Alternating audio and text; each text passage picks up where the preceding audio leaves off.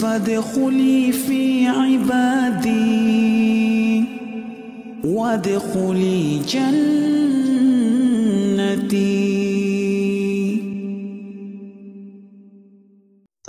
tidak berlama-lama kepada Ustaz Dr. Musyafa Adrini, tafadhol maskuran.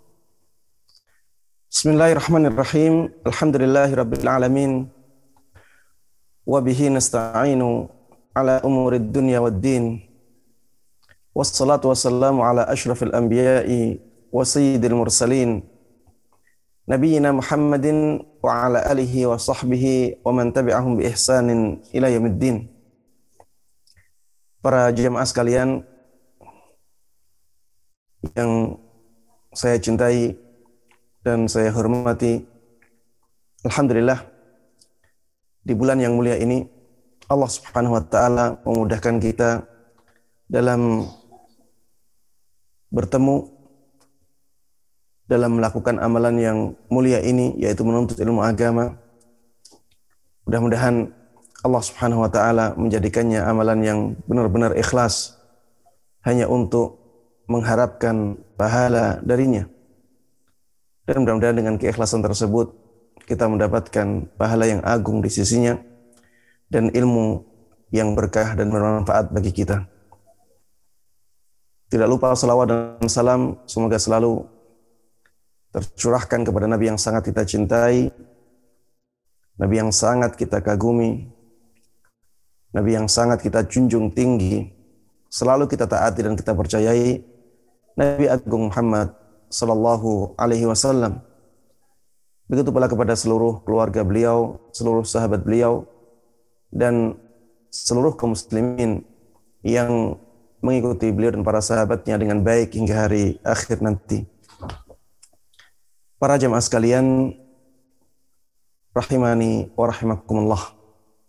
Semoga Allah Subhanahu wa taala memberikan rahmatnya kepada kita semuanya. Kajian kita pada kesempatan kali ini akan membahas tentang tema yang sangat penting bagi kita untuk kita terus ingat yaitu tentang ayah ibu aku rindu. Siapa yang tidak cinta kepada kedua orang tuanya? Allah Subhanahu wa taala telah menjadikan fitrah manusia mencintai kedua orang tuanya.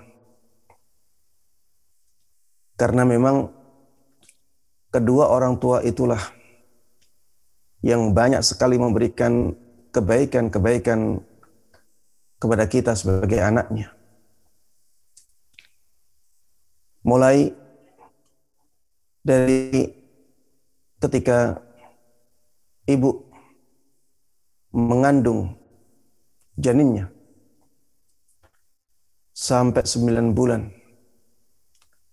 dengan berbagai kepayahannya sebagaimana Allah Subhanahu wa taala sebutkan dalam Al-Qur'an hamalatu ummuhu kurhan wa wada'athu kurha.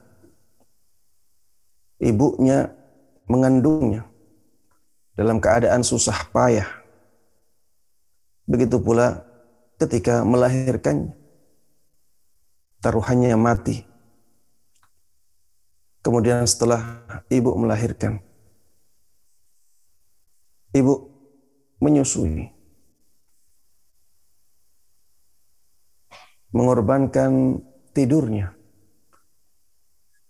mengorbankan badannya badannya yang masih sakit harus bergadang untuk menyusui anaknya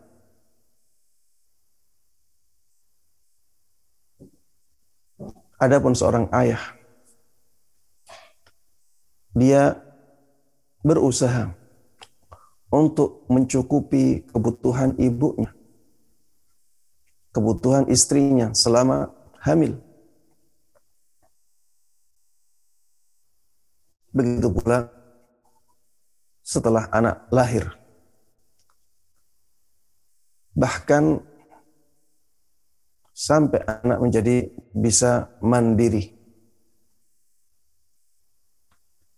Ibunya setelah anak lahir pun demikian bersusah payah untuk merawatnya, untuk membesarkannya, untuk mendidiknya. Karena jasa yang sangat besar sekali dari orang tua kita kepada kita, maka kita sangat mencintainya. Lihatlah seorang anak ketika tidak melihat ayah ibunya. Dia akan mencarinya, menangis, karena dia tahu orang tuanya itulah yang paling baik kepada dia. Bahkan ketika anak tersebut sudah dewasa pun demikian. Ketika berpisah lama dari kedua orang tuanya, berpisah lama dengan kedua orang tuanya, maka dia akan sangat rindu untuk bertemu dengan kedua orang tuanya. Bahkan ketika anak tersebut sudah tua, ketika kedua orang tuanya meninggal, anak tersebut sangat rindu untuk bertemu lagi dengan kedua orang tuanya. Dan mudah-mudahan kita yang sudah kehilangan kedua orang tua, mudah-mudahan dimasukkan oleh Allah Subhanahu wa taala di dalam ayat walladzina amanu واتبعتهم ذريتهم بإيمان ألحقنا بهم ذريتهم وما ألتناهم من عملهم من شيء orang-orang yang beriman yang diikuti oleh anak keturunannya oleh zurriyahnya dengan keimanan pula mereka akan dikumpulkan oleh Allah Subhanahu wa taala di dalam surga mudah-mudahan Allah Subhanahu wa taala nantinya akan mengumpulkan kita semuanya bersama orang-orang tua kita di dalam surga Allah Subhanahu wa taala dengan kenikmatan yang sempurna dan abadi selamanya. Para jemaah sekalian yang semoga dimuliakan dan dirahmati oleh Allah Subhanahu wa taala. Saking besarnya jasa orang tua kita Islam mewajibkan kita untuk birrul walidain. Untuk berbakti kepada kedua orang tua kita. Untuk membalas jasa mereka. Karena memang jasa mereka sangat-sangat besar sekali kepada kita. Orang yang sukses di dunia ini biasanya karena jasa orang tuanya. Bagaimana orang tuanya mendidiknya, membesarkannya, mendoakannya. Itulah orang tua. Karena besarnya jasa orang tua, syariat Islam mewajibkan kepada kita birrul walidain dan ini memang sesuai dengan fitrah manusia. Dan begitulah semua ajaran Islam. Semua ajaran Islam sesuai dengan fitrah manusia. Dan birrul walidain ini para jemaah sekalian memiliki kedudukan yang sangat tinggi sekali di dalam Islam. Di antara yang menunjukkan hal ini, yang pertama, karena Allah Subhanahu wa Ta'ala menyandingkannya dengan perintah untuk mentauhidkannya. Padahal para ulama menjelaskan bahwa perintah yang paling agung dalam syariat ini adalah perintah untuk mentauhidkan Allah Subhanahu wa taala. Dan Allah menyandingkan perintah untuk berbakti kepada kedua orang tua dengan perintah untuk mentauhidkannya. Ini menunjukkan bahwa Allah Subhanahu wa taala sangat mengistimewakan amalan berbakti kepada kedua orang tua. Lihatlah di surat Al-Isra ayat 23. Allah Subhanahu wa taala berfirman, "Wa qada rabbuka alla ta'budu illa iyyah wa bil walidaini ihsana." Allah Subhanahu wa taala berfirman bahwa Rabbmu telah mewajibkan kepadamu alla ta'budu illa iyyah agar engkau agar kalian tidak beribadah kecuali kepadanya. Jadi Allah Subhanahu wa taala di dalam ayat ini mengatakan kepada Nabi kita Muhammad sallallahu alaihi wasallam, "Wahai Muhammad, Rabbmu telah mewajibkan agar kalian semuanya beribadah hanya kepada Allah. Ini perintah untuk mentauhidkannya. Wabil walidaini ihsana. Dan agar kalian berbuat baik kepada kedua orang tua dengan sebenar-benarnya. Wabil walidaini ihsana maksudnya adalah wabil walidaini ahsinhuma ihsana yang artinya dan kepada kedua orang tuamu berbuat baiklah dengan sebenar-benarnya. Coba lihat Allah Subhanahu wa taala di sini menyandingkan perintah untuk mentauhidkan Allah Subhanahu wa taala dengan perintah untuk berbakti kepada kedua orang tua. Kalau amalan berbakti kepada kedua orang tua bukanlah amalan yang istimewa, maka Allah Subhanahu wa taala tidak akan menyandingkannya dengan perintah untuk mentauhidkan. Maka para jemaah sekalian yang semoga dimuliakan dan dirahmati oleh Allah Subhanahu wa taala. Perhatikanlah masalah berbakti kepada kedua orang tua ini. marilah kita semangat untuk melakukan kebaikan untuk orang tua kita. Balaslah jasa-jasa mereka. Bahagiakan mereka di hari Tuhan. Lakukan apa pun yang kita mampu untuk orang tua kita, untuk kebaikan mereka. Karena Allah subhanahu wa ta'ala sangat mengagungkan amalan ini. Coba lihat di surat An-Nisa ayat 36. Wa'budullah wa la tushriku bihi syai'a wa bil walidaini ihsana. Beribadahlah kalian kepada Allah. Jangan sampai kalian melakukan kesyirikan kepada Allah dengan sesuatu apa pun dan berbuat baiklah kepada kedua orang tua dengan sebenar-benarnya.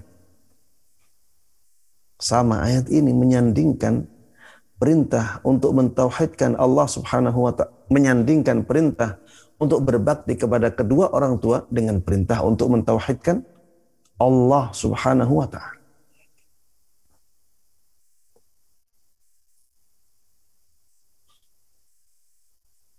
Coba lihat di surat Luqman ayat 14. Allah Subhanahu wa taala berfirman, "Anishkurli wali walidaki." Hendaklah engkau bersyukur kepadaku dan bersyukur kepada kedua orang tuamu. Di sini juga Allah Subhanahu wa taala menyandingkan bersyukur kepada kedua orang tua dengan bersyukur kepada Allah Subhanahu wa taala. Menunjukkan betapa agungnya amalan birrul walidain. Berbakti kepada kedua orang tua. Bahkan di dalam surat Al-Isra ayat 23 Allah Subhanahu wa taala melarang kita untuk mengucapkan kata kasar yang paling ringan yaitu uf atau mungkin dalam bahasa kita ah kata yang paling ringan yang kasar itu saja dilarang oleh Allah Subhanahu wa taala. Imma yablughanna 'indakal kibara ahaduhuma aw kilahuma fala taqul lahumā uff. Kalau seandainya salah satu dari kedua orang tuamu atau keduanya sampai pada usia tua di sisimu. Fala uff. Jangan sampai engkau mengatakan kepada keduanya kata-kata uff. Sebagian ahli tafsir mengatakan kata-kata uff ini adalah perwakilan untuk kata kasar yang paling ringan. Kalau kata kasar yang paling ringan saja dilarang oleh Allah Subhanahu wa taala untuk dikatakan kepada kedua orang tua atau kepada salah satunya, bagaimana dengan yang lebih kasar dari itu?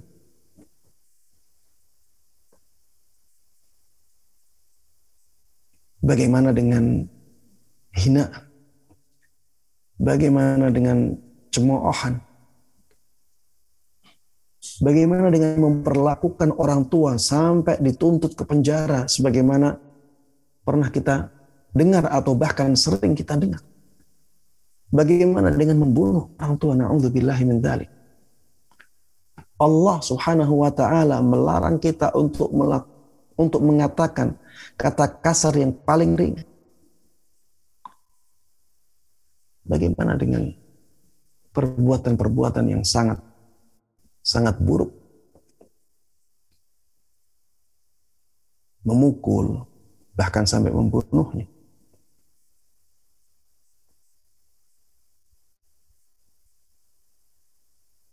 Jangan sampai kita melakukan dosa-dosa besar itu. Karena Allah Subhanahu wa taala sangat murka ketika kita melakukan dosa besar itu. Sebutkan dalam sebuah hadis bahwa azab yang paling cepat mendatangkan hukuman bahwa amalan keburukan yang paling cepat mendatangkan hukuman di dunia ini adalah dua amalan. Salah satunya adalah durhaka kepada kedua orang tua. Atau salah satu. Ini disebutkan dalam sebuah hadis yang sanatnya hasan. Termasuk di antara amalan keburukan yang paling cepat hukumannya didatangkan oleh Allah Subhanahu wa taala di dunia ini adalah perbuatan durhaka kepada orang tua. Kenapa demikian? Karena Allah Subhanahu wa taala memang sangat murka kepada orang yang durhaka kepada orang tuanya. Para jemaah sekalian yang semoga dimuliakan dan dirahmati oleh Allah Subhanahu wa taala. Coba lihat di surat Luqman di ayat ke-15. Allah Subhanahu wa taala ingin memberikan penjelasan kepada kita tentang betapa tingginya dan betapa agungnya amalan berbakti kepada kedua orang tua. Allah Subhanahu wa taala berfirman, "Wa in jahadak ala an tusyrika bi ma laysa laka bihi ilmun fala tuti'huma wa sahibhuma fid dunya ma'rufa." Seandainya saja kedua orang tuamu memaksamu untuk melakukan kesyirikan kepadaku dengan sesuatu yang engkau tidak tahu. Fala Allah katakan jangan engkau taati keduanya. Tapi setelah itu Allah katakan wasahibhuma fid dunya ma'rufa. Tapi tetap temani mereka dengan cara yang baik. Tetap temani mereka dengan cara yang baik. Tetap berbakti kepada kedua orang tua. Jemaah sekalian, kita tahu bagaimana murkanya Allah Subhanahu wa taala kepada kesyirikan. Allah Subhanahu wa taala sangat sangat sangat benci sekali kepada kesyirikan. Sampai-sampai Allah Subhanahu wa taala yang Maha Pengampun, Maha Pemaaf, Maha Penyayang tidak mau mengampuni dosa kesyirikan. Inna Allah la yaghfiru ayyushraka wa yaghfiru ma duna dzalika liman yasha. Sesungguhnya Allah Subhanahu wa taala tidak mau mengampuni apabila dia disekutukan. Dan Allah Subhanahu wa taala masih mau mengampuni yang lain. Tidak hanya Allah tidak mau mengampuni saja, bahkan saking murkanya Allah kepada dosa kesyirikan, Allah akan hapuskan semua amalan kebaikan seorang hamba yang sudah dilakukannya. Lihatlah. Allah Subhanahu wa taala mengatakan kepada para nabi mengatakan tentang para nabi walau asyraku la habita anhum ma kanu ya'malun Seandainya para nabi itu melakukan kesyirikan, maka amalan-amalan mereka akan terhapuskan semuanya. Allah Subhanahu wa taala mengatakan kepada nabi kita Muhammad sallallahu alaihi wasallam, "La in asyrakta la yahbatanna 'amaluk."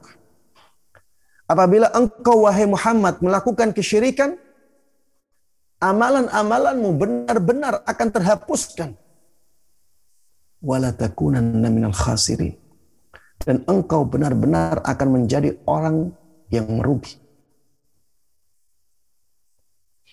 Inilah kemurkaan Allah Subhanahu wa taala yang sangat luar biasa kepada dosa kesyirikan. Tapi lihat Allah Subhanahu wa taala masih tetap memerintahkan kita untuk berbakti kepada kedua orang tua kita walaupun kedua orang tua kita tidak hanya melakukan kesyirikan bahkan memaksa kita untuk melakukan kesyirikan. Allah tetap katakan wasahibahuma fid dunya ma'rufa. Temani keduanya dengan cara yang baik. Tetap berbakti kepada keduanya. Subhanallah. Coba lihat betapa besarnya hak orang tua kita dari kita sebagai anak. Ketika kedua orang tua kita melakukan kesalahan yang sangat besar seperti ini saja, kita masih diperintahkan untuk berbakti kepada keduanya. Apalagi kesalahan yang di bawah ini. Banyak orang-orang ya mereka mengeluh dengan keadaan orang tua. Ustaz, orang tua saya sering marah-marah kepada saya, Ustaz. Orang tua saya temperamen. Ustaz, orang tua saya sering merokok. Saya benci sekali dengan bau rokok. Ustaz, orang tua saya sering mengumbar auratnya. Ustaz, Ustaz, Ustaz. Subhanallah. dosa yang paling besar saja kalau dilakukan oleh orang tua, anak masih wajib berbakti kepada kedua orang tua. Apalagi yang di bawah kesyirikan. Para jemaah sekalian, rahimani wa rahimakumullah. Amalan berbakti kepada kedua orang tua bukan amalan yang biasa di dalam Islam. Ini amalan yang sangat tinggi kedudukan. Bahkan dikatakan ya, dikatakan kenapa Firaun yang sangat bejat itu hukumannya diakhirkan oleh Allah Subhanahu wa taala. Sampai waktu yang lama. Coba bayangkan ya. Firaun itu sudah ada sebelum Nabi Musa lahir. Dan sudah dalam kebejatannya yang seperti itu. Sebelum Nabi Musa lahir, Fir'aun sudah sudah menjadi raja.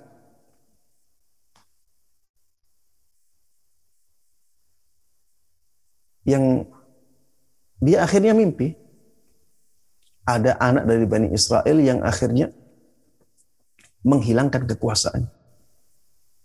Akhirnya dia memerintahkan kepada tentara-tentaranya untuk membunuhi keturunan-keturunan Bani Israel yang berjenis kelamin laki-laki. Jadi sebelum Nabi Musa lahir, Fir'aun ini sudah berkuasa. Dan sudah kuat sekali kekuasaan. Sudah mengaku sebagai Tuhan. sampai Nabi Musa diutus sebagai seorang rasul. Bayangkan, biasanya Allah Subhanahu wa taala mengutus rasul itu ketika umurnya 40 tahun. Berarti Firaun dalam kebejatannya itu diundur hukumannya oleh Allah Subhanahu wa taala dalam waktu yang sangat lama sekali. 40 tahun. Bahkan lebih dari itu. Karena setelah Nabi Musa diutus sebagai seorang rasul, Fir'aun tidak langsung dibinasakan oleh Allah Subhanahu wa taala. Sebagian ulama mengatakan, kenapa hukuman Fir'aun ini diakhirkan, diundur oleh Allah Subhanahu wa taala sampai waktu yang lama sekali ini. Ada yang mengatakan itu karena Fir'aun ini sangat berbakti kepada orang tua. Makanya para jemaah sekalian, rahimani wa rahimakumullah. Di antara sebab yang sangat besar yang menjadikan kita berhasil di dunia ini adalah amalan berbakti kepada kedua orang tua. Sebaliknya, di antara sebab kegagalan, kebinasaan, yang paling besar di dunia ini adalah amalan durhaka kepada kedua orang tua. Makanya para jemaah sekalian, rahimani wa rahimakumullah, perhatikanlah masalah birrul walidain ini. Banyak orang di zaman ini tidak menyadari akan pentingnya birrul walidain dalam kehidupan dia. Padahal kalau dia melakukan itu, pengaruh baiknya akan sangat besar sekali dalam kehidupan. Dan kalau dia meninggalkan itu, pengaruh buruknya akan sangat besar sekali dalam kehidupan dia. Orang kalau baik kepada orang tuanya dan orang tuanya mendoakan baik untuk dirinya, maka Allah akan mendengar doa orang tua itu. Karena kata Rasulullah Sallallahu Alaihi Wasallam, di antara doa yang mustajab adalah doa orang tua untuk anaknya. Maka para jemaah sekalian, mintalah doa kepada orang tua dan bahagiakan hati orang tua kita. Baik.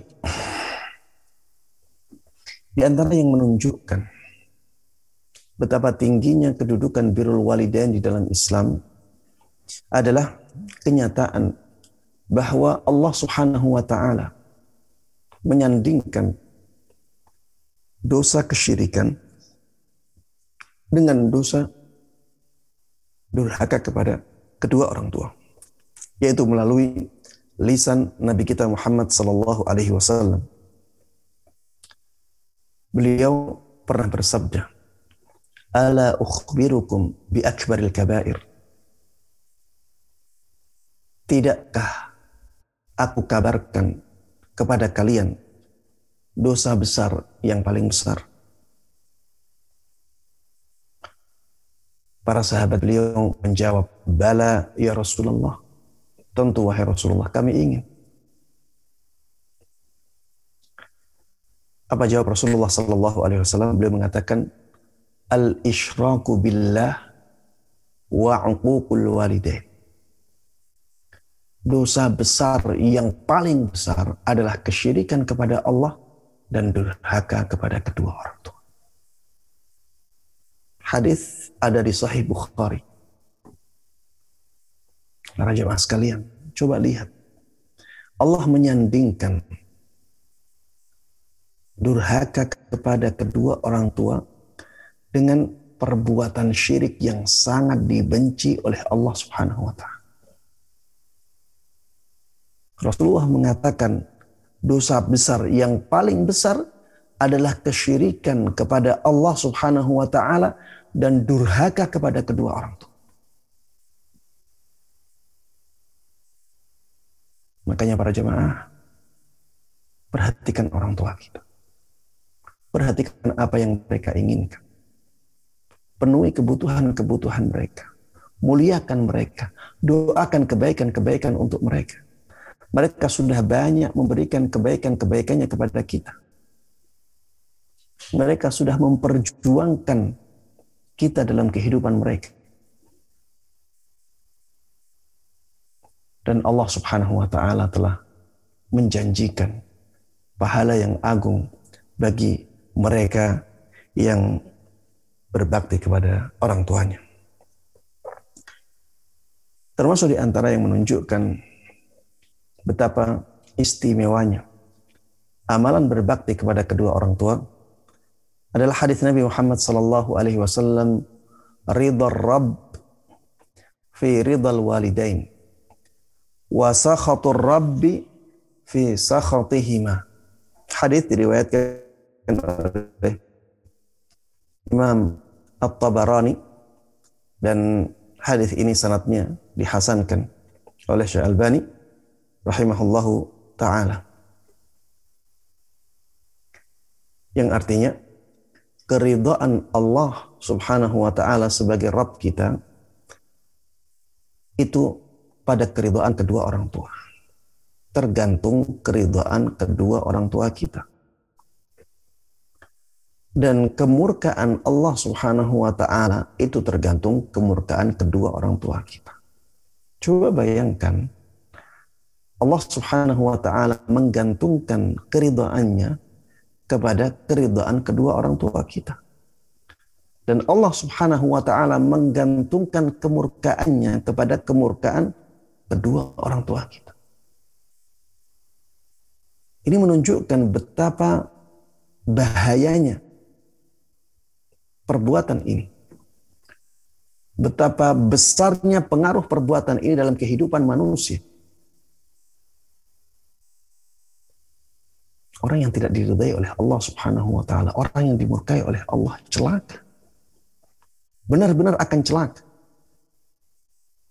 Dan orang yang diridai oleh Allah Subhanahu wa taala benar-benar akan mulia. Dan itu sangat dipengaruhi oleh keridhaan dan kemurkaan orang tua kita. Mungkin ada yang bertanya, atau mungkin ada yang merasa sayang apabila memberikan banyak harta kepada kedua orang tua. Orang tuanya sakit-sakitan. Dia berpikir kalau selalu saya carikan obat, selalu saya bawa ke dokter, nanti lama-lama harta saya habis. untuk orang tua saya. Akhirnya dia merasa sayang untuk menginfakkan hartanya untuk amalan yang mulia ini. Ada sebagian orang yang seperti ini. Atau bahkan mungkin banyak. Maka Islam telah memberikan jawaban.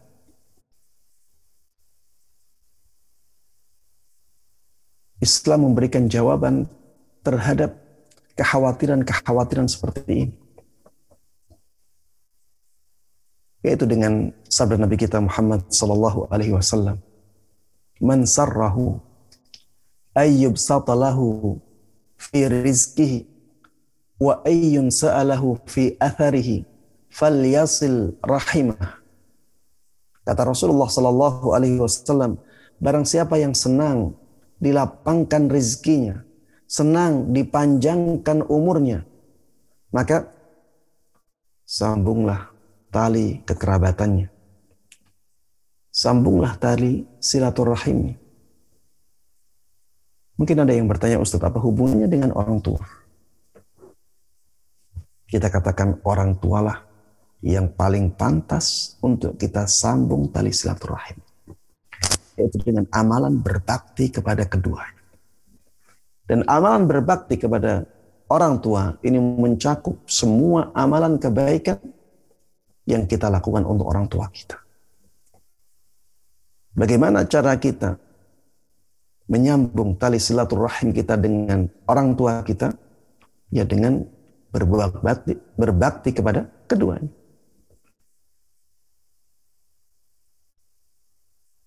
Setiap kali kita berbakti kepada orang tua kita, berarti kita menyambung dan menguatkan tali kekerabatan kita dengan orang tua kita. Dan itu akan mendatangkan rezeki, akan memudahkan, melapangkan rezeki kita. Dan itu akan memanjangkan umur kita. Makanya jangan khawatir para jamaah sekalian yang semoga dimuliakan dan dirahmati oleh Allah Subhanahu wa taala. Jangan khawatir ketika harus merawat orang tua. Di akhir-akhir hidupnya, ketika orang tua sudah sakit-sakit, jangan khawatir. Semangatlah untuk merawat orang tua. Sebagaimana mereka dahulu semangat untuk merawat kita ketika kita masih kecil. Orang tua tidak khawatir memasukkan anaknya ke rumah sakit walaupun memakan biaya besar, orang tua akan lakukan apabila mampu. Maka kita harus seperti itu kepada orang tua kita. Dan jangan khawatir, Allah sudah janjikan. Allah akan melapangkan rezeki kita. Dan Allah akan panjangkan umur kita. Dengan amalan berbakti kepada kedua orang tua. Dan bukti yang menjelaskan hal ini sangat nyata di sekitar kita. Lihatlah orang-orang yang berbakti kepada orang tuanya. Bagaimana lapangnya rezeki mereka. Dan saya melihat sendiri di keluarga. Orang yang paling dimudahkan rezekinya adalah orang yang mau merawat orang tuanya.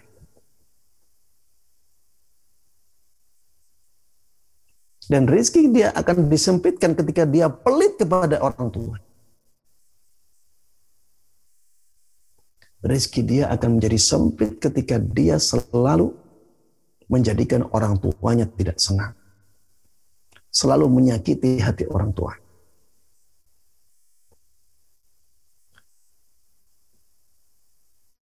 Bukan berarti ya, Ana memerintahkan kepada para jamaah untuk mencari rizki dengan berbakti kepada kedua orang tua. Tidak seperti itu. Tapi jangan sampai ada kekhawatiran uang kita habis ketika kita merawat orang tua. Tidak. Allah akan lapangkan rizki kita. Allah akan lapangkan rizki kita. Dan yakinlah dengan janji Allah subhanahu wa ta'ala. Karena Allah subhanahu wa ta'ala tidak akan mengingkari janjinya. Allah benar-benar akan menepati janjinya. Innallaha la yukhliful mi'ad. Sesungguhnya Allah Subhanahu wa taala tidak akan tidak menepati janjinya. Allah pasti akan menepati janjinya. Para jemaah sekalian rahimani wa rahimakumullah. Di antara keutamaan dan keistimewaan amalan berbakti kepada kedua orang tua adalah bahwa amalan ini termasuk di antara amalan yang bisa sangat mudah untuk mendekatkan seseorang kepada surga Allah Subhanahu wa taala. Coba lihat dan pahami hadis yang dibawakan oleh sahabat yang mulia Abdullah ibn Mas'ud radhiyallahu taala anhu. Beliau pernah bertanya kepada Rasulullah sallallahu alaihi wasallam. Ya Nabi Allah, ayul a'mali aqrabu ilal jannah? Wahai Rasulullah Sallallahu Alaihi Wasallam, amalan apakah yang paling dekat dengan surga Allah Subhanahu Wa Taala? Maksudnya, amalan apakah yang bisa paling mendekatkan seseorang kepada surga Allah Subhanahu Wa Taala?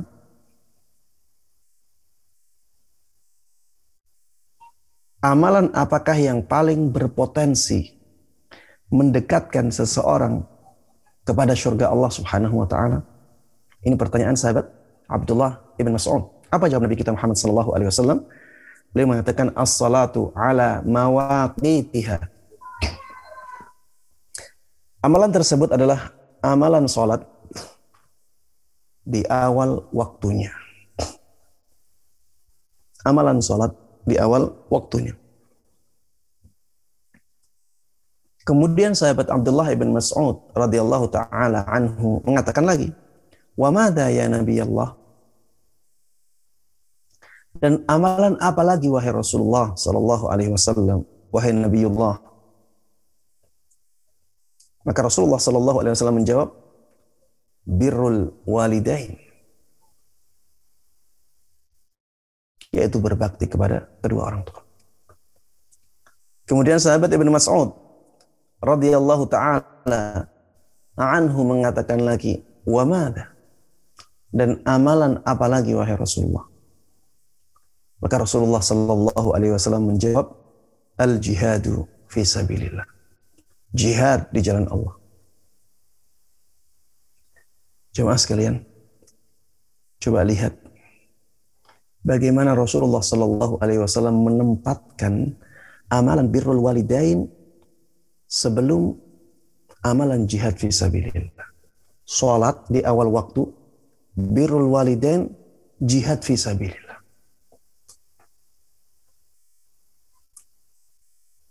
Ini bisa difahami bahwa birrul walidain itu bisa lebih utama daripada jihad fisabilillah. Ya, ini bisa difahami demikian karena Rasulullah Shallallahu Alaihi Wasallam mengurutkannya seperti itu.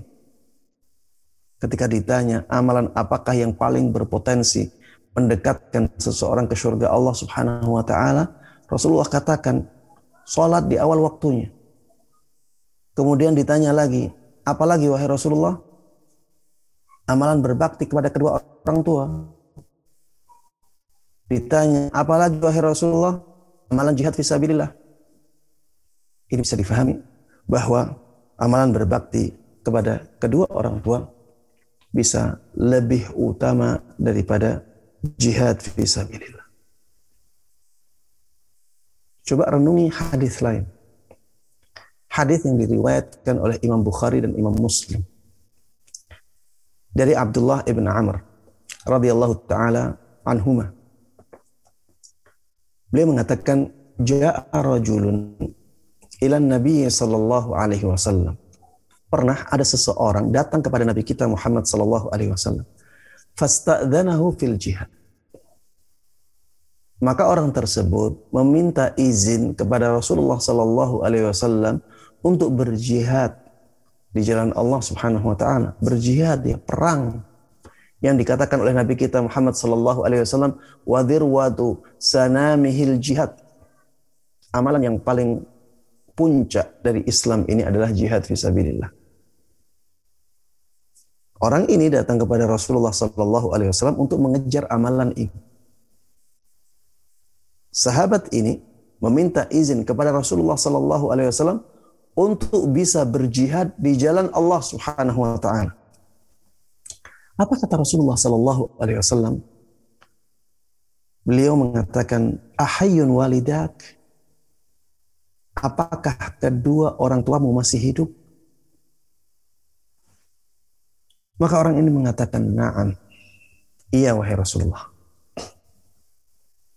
Setelah itu, apa kata Rasulullah sallallahu alaihi wasallam? Beliau mengatakan, "Fafihima fajahid." Kepada kedua orang tuamu berjihadlah.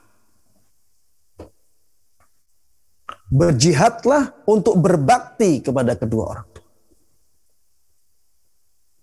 Tidak usah ikut perang. Tidak usah ikut perang. Tapi berjihadlah untuk berbakti kepada kedua orang tua. Hadis diriwayatkan oleh Imam Bukhari dan Imam Muslim. Para jemaah sekalian. Dari hadis ini kita bisa memahami dengan pemahaman yang sangat jelas bahwa berbakti kepada kedua orang tua ini bisa lebih utama daripada jihad fisabilillah. Apakah mungkin Rasulullah Shallallahu Alaihi Wasallam memberikan arahan kepada sebagian sahabatnya untuk meninggalkan amalan yang lebih afdal, untuk melakukan amalan yang di bawahnya? Jawabannya tidak mungkin. Tidak mungkin Rasulullah Sallallahu Alaihi Wasallam memberikan arahan kepada sebagian sahabatnya untuk melakukan amalan yang remeh-temeh dan meninggalkan amalan yang sangat afdal. Tidak tidaklah Rasulullah Shallallahu Alaihi Wasallam memberikan arahan ini kepada orang ini kecuali ketika amalan ini lebih afdal bagi orang ini. Makanya kita katakan bahwa birrul walidain bisa lebih afdal daripada jihad fisabilillah. Maka ini bukan amalan yang sederhana.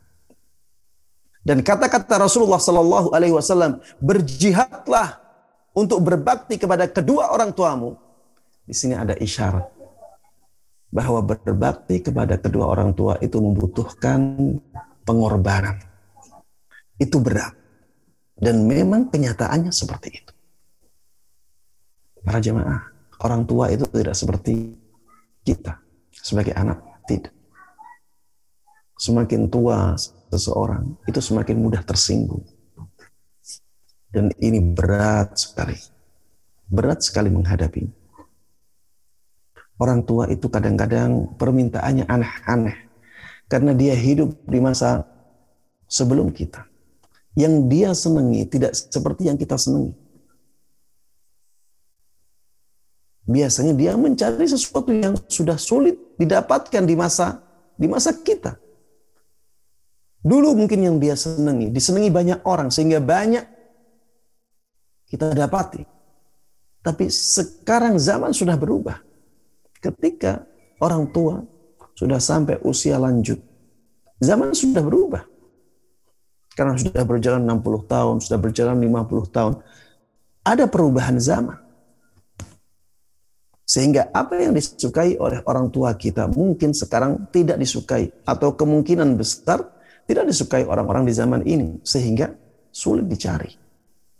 Dan biasanya yang seperti itu yang diinginkan oleh orang tua. Kita harus berusaha. Fafihi ma fajahid. Kepada kedua orang tuamu, berjihadlah. Kata-kata berjihad menunjukkan bahwa berbakti kepada kedua orang tua membutuhkan usaha keras sebagaimana jihad fisabilillah. Membutuhkan banyak pengorbanan. Tapi ingat para jemaah sekalian, semakin besar pengorbanan kita, semakin susah kita melakukannya, maka semakin besar pahala yang datang dari Allah Subhanahu wa taala.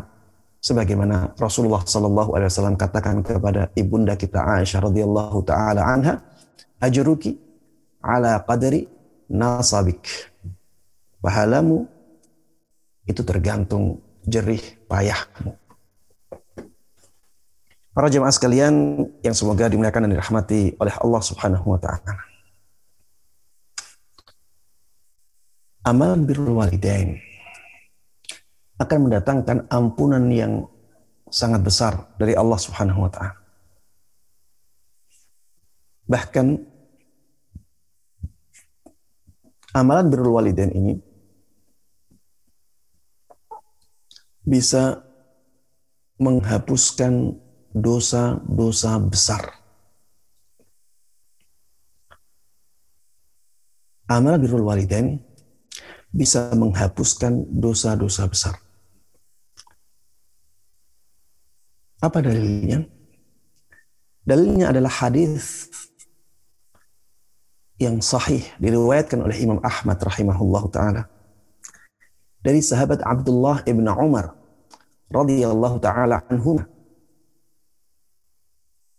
Beliau mengatakan, Ata Rasulullah sallallahu alaihi wasallam rajulun. Pernah datang kepada Rasulullah sallallahu alaihi wasallam seorang lelaki. Faqala ya Rasulullah, ya Rasulullah, inni adnabtu dzamban kabira, fahal li taubah? Wahai Rasulullah sallallahu alaihi wasallam, sungguh aku telah melakukan dosa besar Apakah aku masih punya kesempatan untuk bertaubat? Para jemaah, orang ini bertanya tentang taubat. Karena dia telah melakukan dosa besar. Orangnya ngaku sendiri melakukan dosa besar. Kemudian bertanya, apakah aku masih punya kesempatan untuk bertaubat? Apa kata Rasulullah Sallallahu Alaihi Wasallam? Beliau mengatakan, ala kawalidan, apakah engkau masih punya kedua orang tua? Apakah kedua orang tuamu masih hidup? Maka orang ini mengatakan, la. Tidak, wahai Rasulullah. Maksudnya kedua orang tuanya sudah meninggal. Rasulullah bertanya lagi, falaka khalah? Apakah engkau punya khalah? Khalah itu saudarinya ibu. Bibi tapi dari ibu. Kalau dari bapak namanya ammah. Kalau dari ibu namanya khalah. Ini termasuk ya perbendaharaan bahasa Arab yang banyak ya. Kalau bahasa Indonesia bibi itu ya saudara ibu ya saudara bapak. Di dalam bahasa Arab dibedakan. Khalah dan ammah. Taib. Apa kata orang ini? Beliau mengatakan, "Na'am." Iya, wahai Rasulullah sallallahu alaihi wasallam. Maka Rasulullah Sallallahu Alaihi Wasallam mengatakan, "Fabirraha idan." Kalau begitu, berbaktilah kepada khalah itu. Berbaktilah kepada khalah itu. Coba jamaah sekalian, khalah itu bukan ibu. Khalah itu saudaranya ibu. Kalau saudaranya ibu saja berbakti kepadanya bisa menghapuskan dosa besar, apalagi berbakti kepada ibu, berbakti kepada bapak.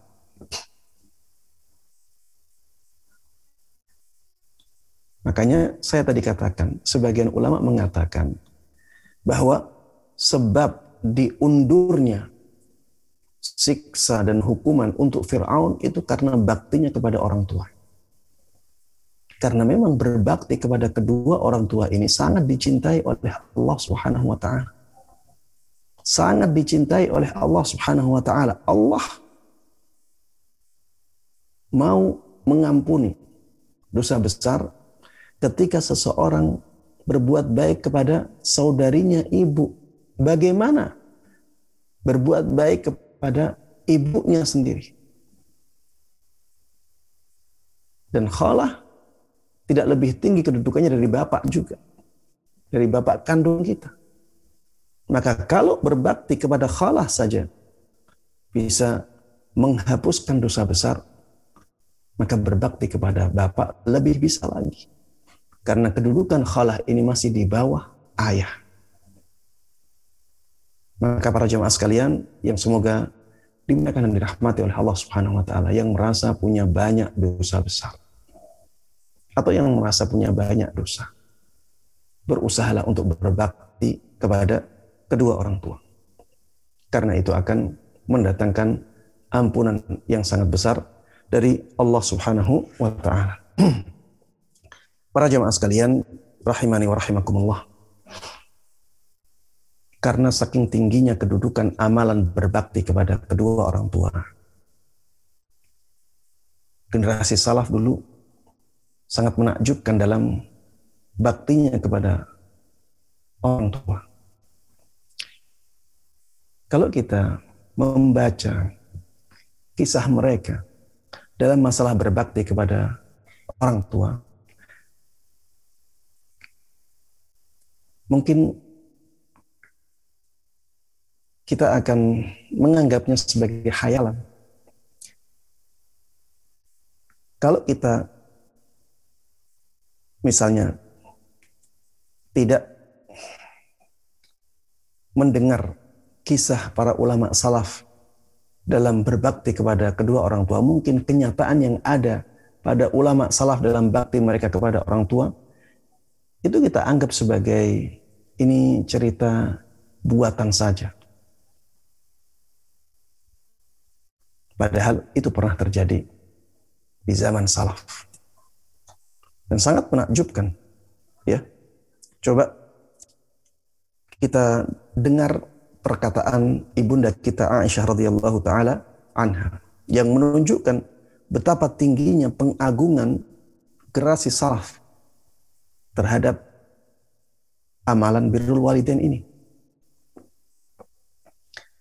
Beliau mengatakan kana rajulani min ashabi Rasulillah sallallahu alaihi wasallam abarra man kana fi hadhihi ummah bi ummihima. Ada dua orang dari sahabat sahabat Rasulullah sallallahu alaihi wasallam yang paling berbakti kepada ibunya. Dua sahabat ini adalah orang yang paling berbakti kepada ibunya di antara atau apabila dibandingkan dengan sahabat-sahabat yang lain. Yang pertama adalah Uthman ibn Affan. Yang kedua adalah Harithah ibn Nu'man radhiyallahu taala anhuma. Kemudian ibunda kita mengatakan lagi, "Amma Uthman fa innahu qal ma qadirtu ata'ammalu wajha ummi mundu aslamtu." Uthman mengatakan, "Aku tidak mampu memandang wajah ibuku setelah aku masuk Islam. Sejak aku masuk Islam, aku tidak pernah bisa memandang atau tahan memandang wajah ibuku. Bukan karena beliau benci kepada ibunya, bukan. Tapi karena beliau sangat menghormati ibunya. Sampai beliau tidak berani tidak berani melihat wajah ibunya. Coba kalau kita tidak dengar cerita seperti ini. Apakah terbetik di kepala kita ada orang yang seperti ini? Saking tingginya pengagungan sahabat Uthman ibn Affan terhadap ibunya. Sampai-sampai beliau tidak berani melihat wajahnya. Subhanallah. Kalau melihat wajahnya saja tidak berani, bagaimana mengucapkan kata-kata yang tidak baik. bagaimana melakukan perbuatan yang tidak baik kepada ibunya. Melihat saja tidak berani. Bagaimana dengan Harithah? Kata ibunda kita Aisyah radhiyallahu taala anha, "Wa amma Harithah fakana yut'imuhuma fakana yut'imuha biyadihi wa lam yastafhamha kalaman qad ta'muru bihi hatta yas'ala man 'indaha ba'da an yakhruj madza qalat ummi." Adapun sahabat Harithah bin Nu'man maka dahulu beliau selalu selalu memberikan makan untuk ibunya dengan tangan beliau. Ya. Beliau selalu memberikan makan ibunya dengan tangan beliau sendiri. Beliau suapi ibunya. Selalu seperti itu. Dan beliau tidak pernah bertanya tentang apa yang dikatakan oleh ibunya. Tidak faham perkataan ibunya, beliau tidak pernah bertanya. Tanya kepada siapa? Kepada orang yang di samping ibunya, kalau ada. Dan tanyanya tidak ketika di majelis itu, ketika keluar. Sahabat Haritha Ibn Nu'man mengatakan, ibu saya tadi mengatakan apa ya? Saya tidak paham tadi. Tidak berani bertanya kepada ibunya pada perkataan ibu yang tidak beliau fahami. Subhanallah. Beliau tidak berani bertanya kepada ibunya. Saking besarnya pengagungan sahabat Haritha bin Nu'man terhadap ibunya. Coba bayangkan yang seperti ini. Apakah pernah terbetik di kepala kita? Tapi itu pernah terjadi di zaman salaf.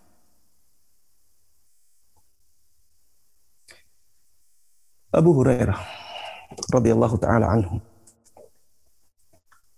dikatakan idza arada an yakhruja min baitihi waqafa ala babi ummi faqala assalamu alayka ya ummah wa rahmatullahi wa barakatuh sahabat Abu Hurairah setiap kali ingin keluar rumah, beliau berhenti dulu di pintu rumah. Dan beliau mengucapkan salam kepada ibunya. Assalamualaikum ya ummah wa rahmatullahi wa barakatuh. Fataqul maka ibunya menjawab Waalaikumsalam warahmatullahi wabarakatuh. Setelah itu, sahabat Abu Hurairah mengatakan kepada ibunya, rahimakillah kama rabbaitini saghira. Semoga semoga Allah Subhanahu wa taala merahmatimu wahai ibu sebagaimana engkau telah merawatku, mendidikku ketika aku masih kecil. Fataqul rahimakallah kama barartani kabir. Ibunya menjawab, semoga Allah merahmatimu wahai Abu Hurairah sebagaimana engkau telah berbakti kepada aku ketika engkau besar. Wa idza arada an yadkhula sana'a mithlahu. Setiap kali ingin masuk rumah, sahabat Abu Hurairah melakukan hal yang sama. Subhanallah. Salam, doa untuk orang tua. Keluar rumah, salam dulu, pamitan dulu, doa untuk orang tua. Siapa yang melakukan yang seperti ini di zaman kita ini? Bahkan mungkin tidak terbetik di kepala kita yang seperti ini. Tapi ini dilakukan di zaman sahabat Nabi Muhammad sallallahu alaihi wasallam. Baik, contoh lain. Sahabat Ibnu Umar radhiyallahu taala anhuma pernah melihat ada orang tawaf di Ka'bah. Dia membopong ibunya di atas pundaknya. Ibunya ditaruh di atas pundaknya, tawaf di Ka'bah. Kemudian orang ini mengatakan, Ya benar Umar, Atara anni jazaituha? Wahai Ibn Umar, apakah engkau melihat aku telah membalas budi ibuku? Apakah engkau melihat aku telah membalas jasa ibuku? Apa kata sahabat Ibn Umar? radhiyallahu taala anhu dia mengatakan la wala bitalqatin wahidah tidak engkau belum membalas jasa baik ibu walaupun dengan hanya satu kontraksi saja walaupun hanya dengan satu kontraksi saja maksudnya ketika ibu ingin ketika ibu akan melahirkan ada beberapa kontraksi sebelum kelahiran. Kata sahabat Ibnu Umar radhiyallahu taala an, anhuma, perbuatanmu itu belum bisa membalas kebaikan ibu karena satu kontraksinya saja sebelum engkau dilahirkan. Kemudian walaupun kenyataannya seperti ini, sahabat Ibnu Umar ingin menghibur orang ini. Beliau tetap mengatakan walakinnaka ahsanta wallahu yusibuka 'alal qalilil katsir. Kata beliau, akan tetapi engkau telah berbuat baik kepada ibumu. Dan Allah Subhanahu wa taala akan memberikan engkau pahala yang banyak dari amalanmu yang sedikit ini. Allah Subhanahu wa taala akan memberikan kepadamu pahala yang besar dari amalanmu yang kecil ini. Bayangkan ya, ini menggendong ibunya di atas pundaknya. Kemudian bertoa, sudah selesai bertanya kepada sahabat Ibnu Umar, ternyata sahabat Ibnu Umar menganggap itu remeh sekali. Itu tidak ada apa-apanya. Bagaimana beliau kepada orang tuanya? Kalau ini dianggap remeh oleh beliau, maka sahabat Ibnu Umar tentunya melakukan yang sangat luar biasa, lebih luar biasa dari itu. Kalau kita melihat ya sekarang ada orang menggendong orang tuanya bersusah payah untuk tawaf, ya, untuk keperluan haji atau keperluan umrah ini sesuatu yang sangat luar biasa. Tapi di mata sahabat Ibnu Umar radhiyallahu taala anhum itu ternyata sangat remeh sekali. Berarti ada yang jauh lebih luar biasa di mata sahabat Ibnu Umar radhiyallahu taala an anhuma dan beliau melakukannya. Ada seorang salaf yang bernama Ali ibn Hasan. Beliau dikatakan dalam biografinya, la yakul ma'a walidayh Karena la yakul ma'a walidayh. Beliau tidak pernah makan bersama kedua orang tua. Tidak pernah makan bersama kedua orang tuanya. Jadi kalau menghidangkan makanan, orang tuanya disuruh makan dulu. Beliau tidak mau makan bersama mereka. Faqdila lahu fi Ada yang bertanya tentang hal itu kepada Ali ibn Hasan rahimahullah. Maka beliau menjawab, li'annahu rubbama yakunu baina yadayya luqmatun atyabu mimma yakunu baina aydihima wa huma yatamannayani dhalik. Beliau mengatakan karena kalau aku makan bersama mereka bisa jadi makanan yang ada di depanku itu lebih baik daripada makanan yang ada di depan mereka. Dan sebenarnya mereka menginginkan makanan yang ada di depanku. Tapi mereka tidak berani meminta atau sungkan meminta. Coba lihat ya. Alasannya ini. Aku tidak mau makan bersama kedua orang tuaku karena aku khawatir yang ada di depanku itu lebih enak daripada yang ada di depan orang tua, di mata orang tua. Dan aku khawatir orang tua punya keinginan untuk makan dari apa yang ada di depanku. Tapi mereka mengurungkan niat itu. Coba betapa tingginya perasaan mereka terhadap kedua orang tua.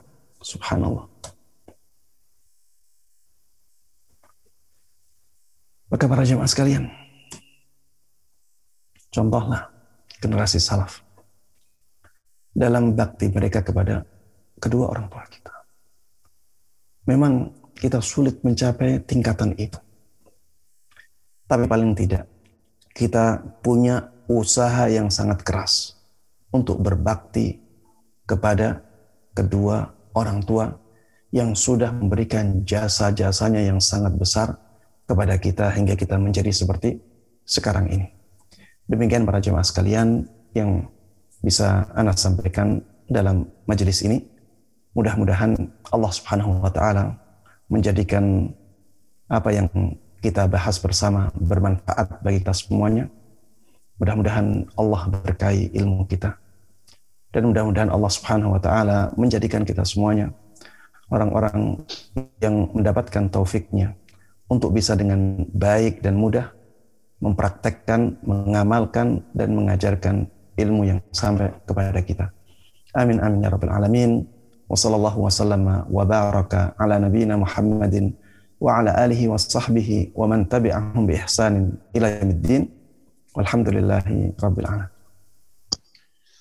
Masya Allah, Barakallahu Fik Ustaz atas uh, kajiannya pada pagi hari ini. Ya kami mohon mudah-mudahan teman-teman semua para sahabat ilmu Darmais masih tetap semangat ya. Izin masih ada bisa untuk sesi tanya jawab Ustaz? Sampai 7.30 ya. 7.30 Masya Allah. Ini sepertinya banyak sekali pertanyaan masuk nih Ustaz. Mudah-mudahan masih bisa terjawab ya Ustaz. Ya. Yang pertama dari Farah Ummu Qalbi Eh, Bismillah izin bertanya Ustadz, ini hal yang mengganjal saya. Saat ini saya berada dalam keluarga besar yang belum mengenal sunnah. Hanya saya dan anak-anak yang baru belajar sunnah. Sebagian besar keluarga semua menganggap berislam yang umum, yang mungkin masih banyak melakukan tradisi-tradisi subhat dan bahkan mungkin bid'ah. Sebagai contoh tahlilan, saya khawatir kelak ketika misal ada anggota keluarga atau orang tua saya sendiri yang wafat terlebih dahulu, Lalu keluarga mengamalkan amalan tahlil 3, 7, 40 hari dan lain sebagainya. Sedangkan anak sangat mengingkari hal tersebut. Bagaimana sikap anak karena pasti pasti akan dianggap sebagai anak yang berbak yang tidak berbakti. Apakah yang harus saya lakukan? Iya, pertanyaan yang sangat bagus dan banyak dialami oleh teman-teman kita, saudara-saudara kita. Ya, Apakah kita berbakti kepada kedua orang tua ataukah tidak? Standarnya bukan pandangan manusia, ya. Standarnya bukan pandangan manusia. Standarnya adalah pandangan Allah Subhanahu wa taala. Apakah kita sudah sesuai dengan syariat Islam ataukah tidak? Bahkan bakti kita kepada kedua orang tua itu tidak mutlak sesuai pandangan orang tua kita. Tidak mutlak sesuai pandangan orang tua kita. Ada beberapa keadaan yang walaupun orang tua kita tidak suka kepada kita, kita harus menjalankan yang seperti itu. Walaupun orang tua kita merasa kita durhaka. Contohnya ya, seperti hal-hal yang misalnya tidak sesuai dengan tuntunan Islam.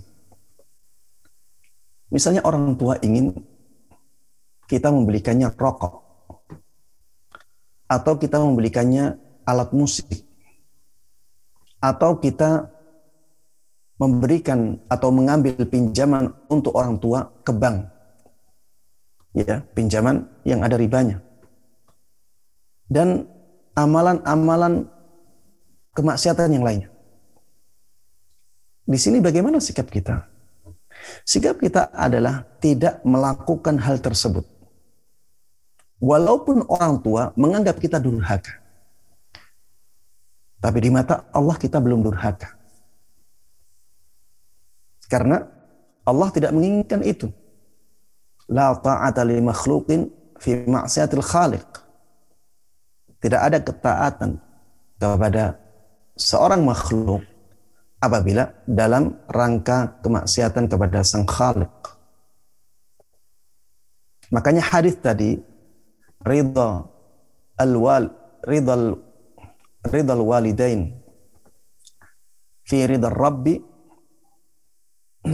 eh, ridha ridha rabbi fi ridha al-walidain wa sakhatur rabbi fi sakhatihima ridhonya Allah sebagai Rabb kita itu tergantung keridhaan kedua orang tua kita. Ini pada hal-hal yang tidak bertentangan dengan syariat. Ya, pada hal-hal yang tidak bertentangan dengan syariat. Apabila pada hal-hal yang bertentangan dengan syariat kita jangan memperdulikan keridhaan orang tua. Makanya tadi saya sebutkan ayat di surat Luqman, wa in jahadaka ala an tusyrika bi ma laysa laka bihi ilmun fala tuti'huma wa sahibuhuma fid dunya ma'rufa. Apabila kedua orang tuamu memaksamu untuk melakukan kesyirikan pada sesuatu yang tidak kamu ketahui, maka jangan engkau taati keduanya. Coba lihat kata-kata jangan engkau taati keduanya. Kalau orang tua sudah memaksa anaknya, kemudian anaknya tidak mentaatinya, bagaimana marahnya orang tua? Bagaimana marahnya orang tua? Tapi Allah tidak katakan ini perbuatan durhaka, tidak. Coba lihat kisah Nabi Ibrahim. Ketika Nabi Ibrahim mendakwahi orang tuanya, mendakwahi ayahnya, Wahai ayah, jangan sampai engkau beribadah kepada syaitan.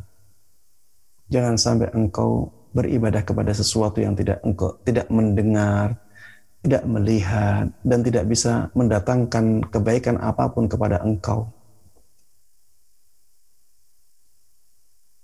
Ya wahai orang tuaku yang aku cintai, aku takut apabila nanti azabnya Allah Subhanahu wa taala menimpamu.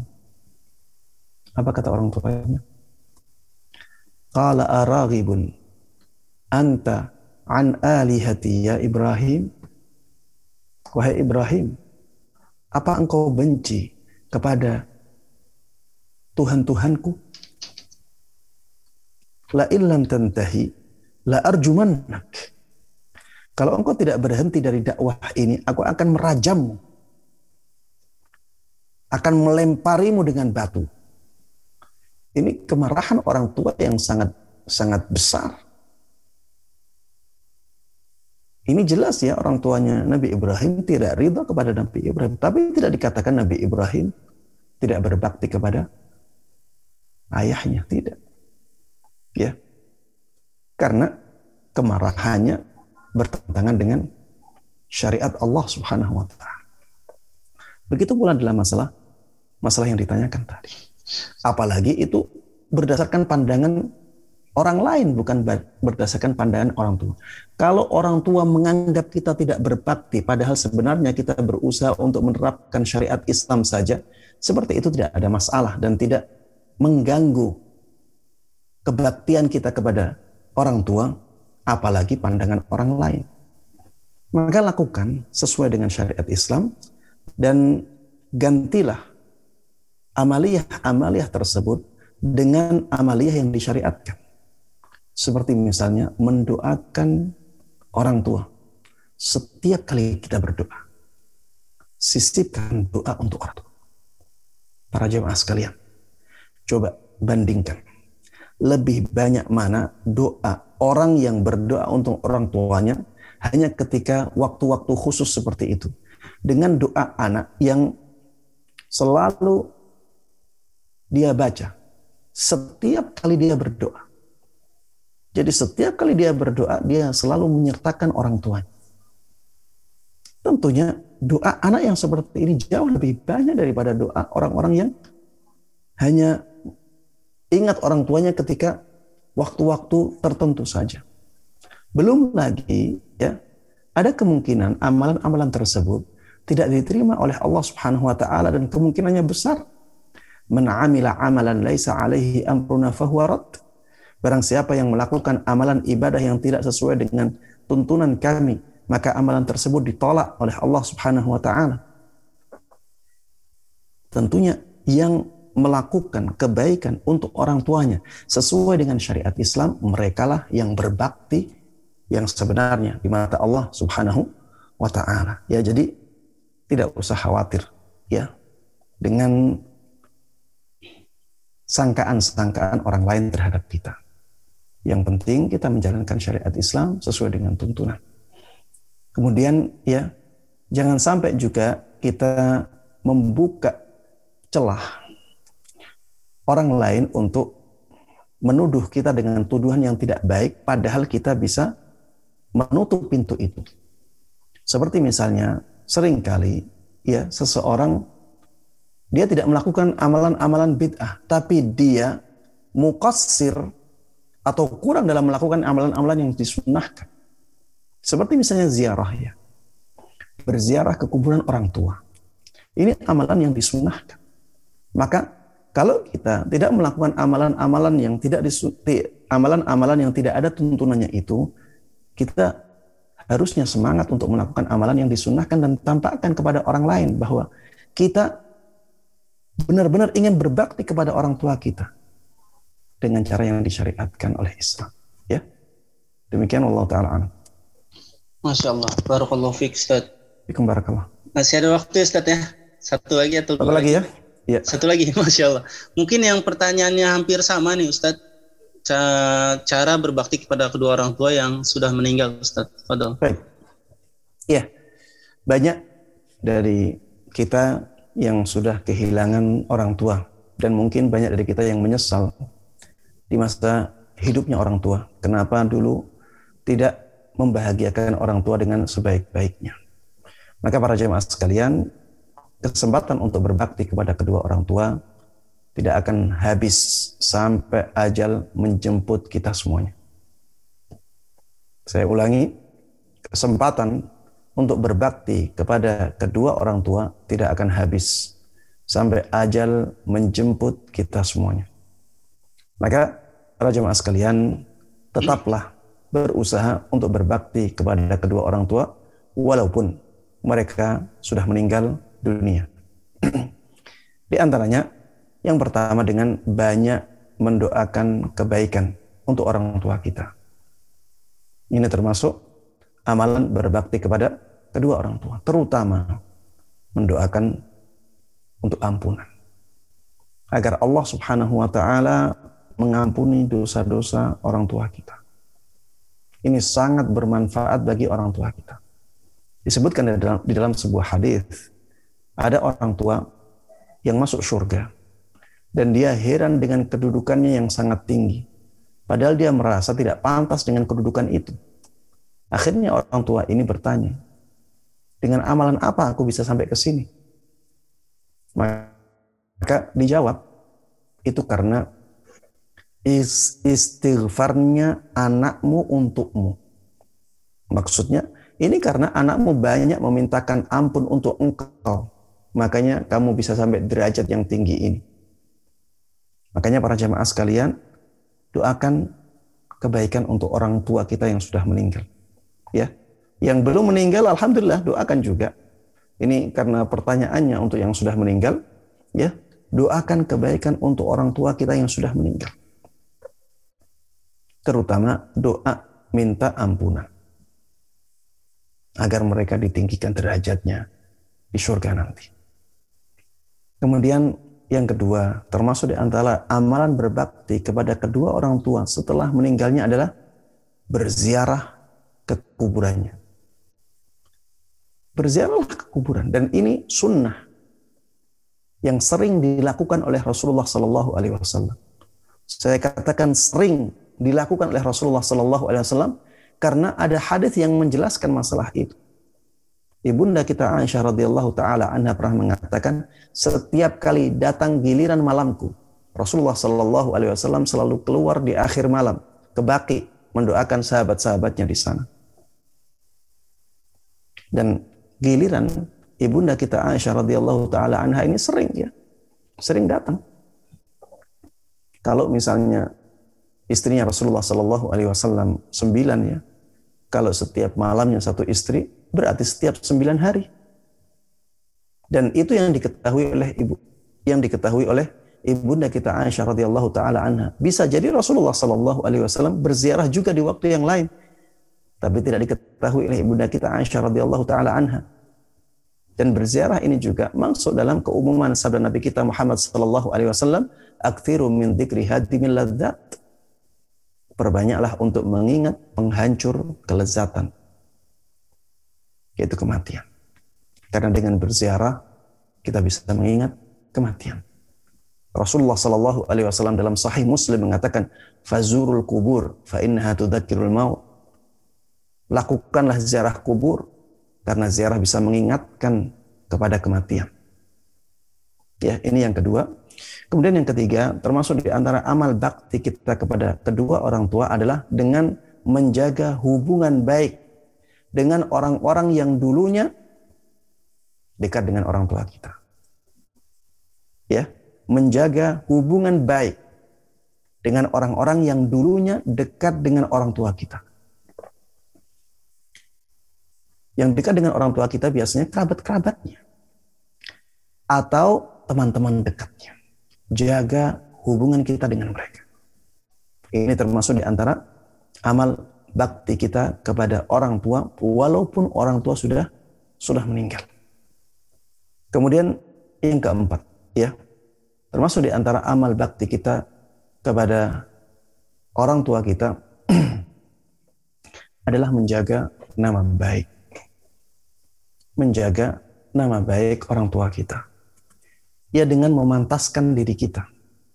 Jangan sampai kita melakukan hal-hal yang menjadikan nama keluarga kita tercoreng. Ya. Menjaga nama baik keluarga ini termasuk di antara amalan berbakti kepada orang tua kita.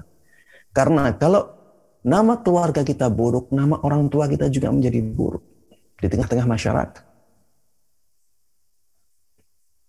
Makanya para jemaah sekalian jadilah orang-orang yang baik dan jadilah orang-orang yang mulia di tengah masyarakat.